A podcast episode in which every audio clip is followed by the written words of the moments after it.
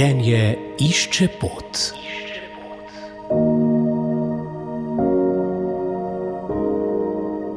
Dober dan. Tudi danes bomo govorili o pravicah vračanja na delo bolnic z rakom dojk ali raki rodil. Žal je to področje birokratsko kar zapleteno, zato na Združenju Evropa Dona poudarjajo, da so vedno na voljo za potrebne informacije. Prisluhnimo direktorici področja za odločanje o pravicah in za medicinske pripomočke pri ZZZS Ani Vodičar.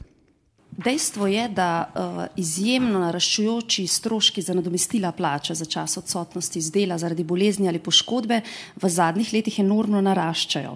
Uh, mogoče samo za občutek, v letu 2015 smo izplačali 220 milijonov, lani 700 milijonov evrov.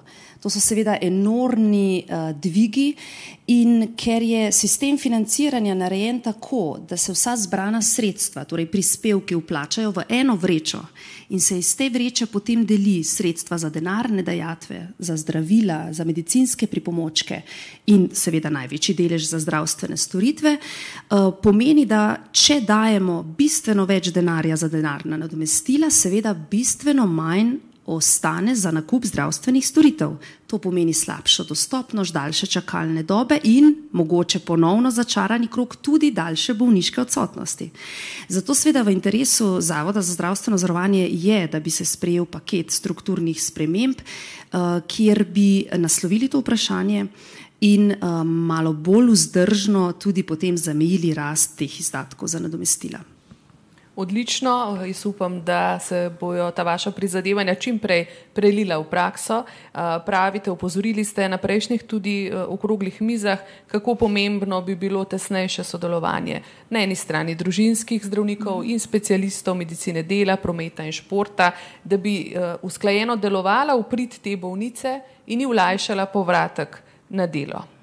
Ja, mogoče bi dva poudarka glede te teme izpostavila. Eno je, so naši družinski zdravniki, ki so, um, kot vemo, precej obremenjeni in nekako občutek je, da mogoče ne vidijo toliko svojega poslanstva tudi v aktivnem vodenju bolniškega staleža za svoje pacijente.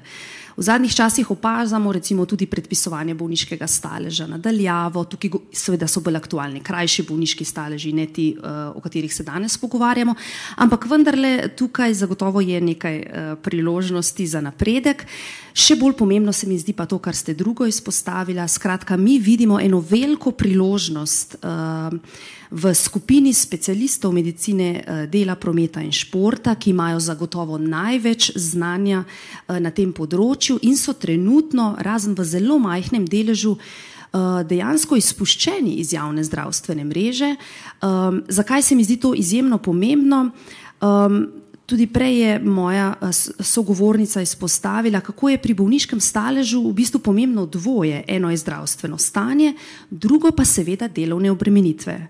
In specialisti medicine dela so tisti, ki poznajo obe področji in seveda tukaj menimo, da uh, niso izkoriščene vse uh, možnosti, uh, ki bi jih lahko imeli v sistemu. Tako da ja, aktivno vključevanje medicine, eh, dela, prometa in športa in to čim prej.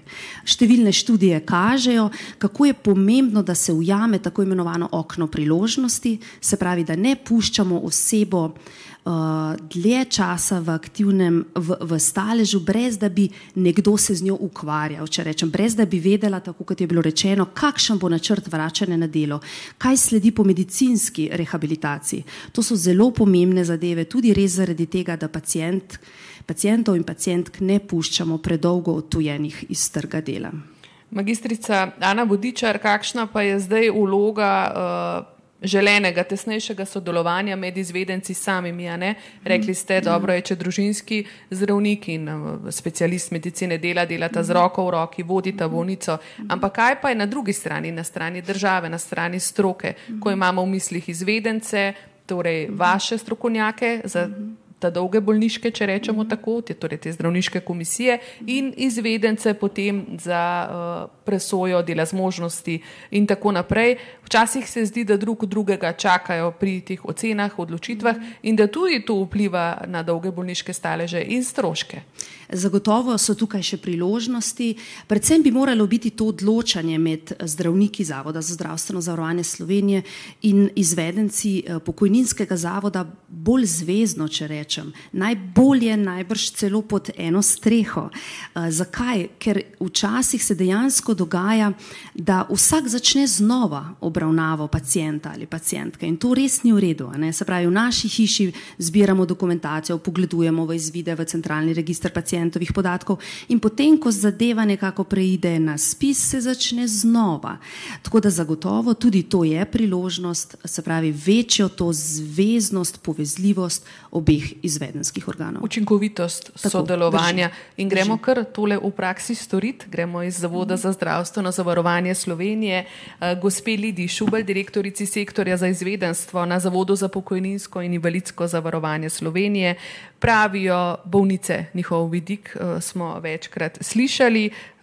Pripovedujejo tudi vse čas v praksi uh, Združenje Evropa Dona Slovenija, da se predolgo čaka na postopke uh, izvedenskih organov pri spizu, da so postopki zapleteni, da se na nje dolgo čaka na odločitve.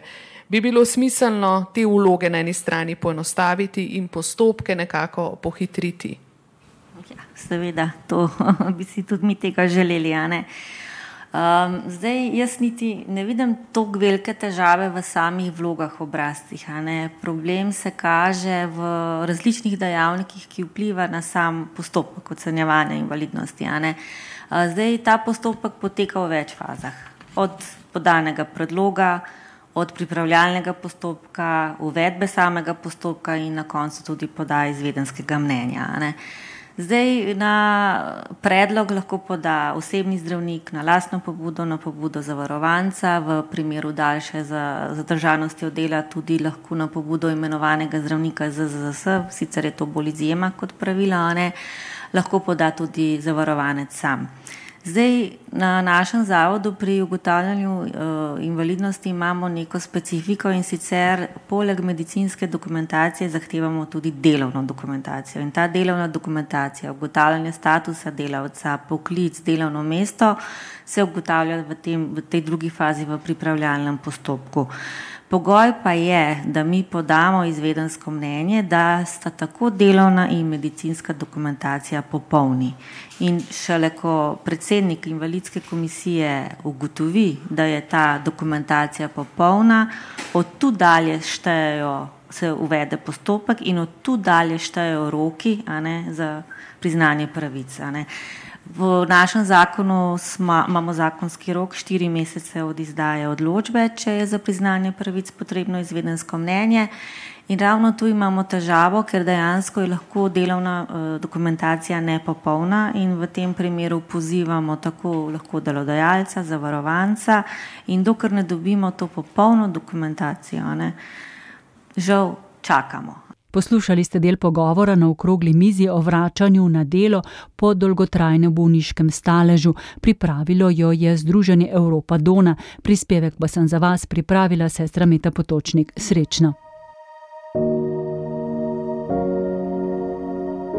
Življenje išče pot.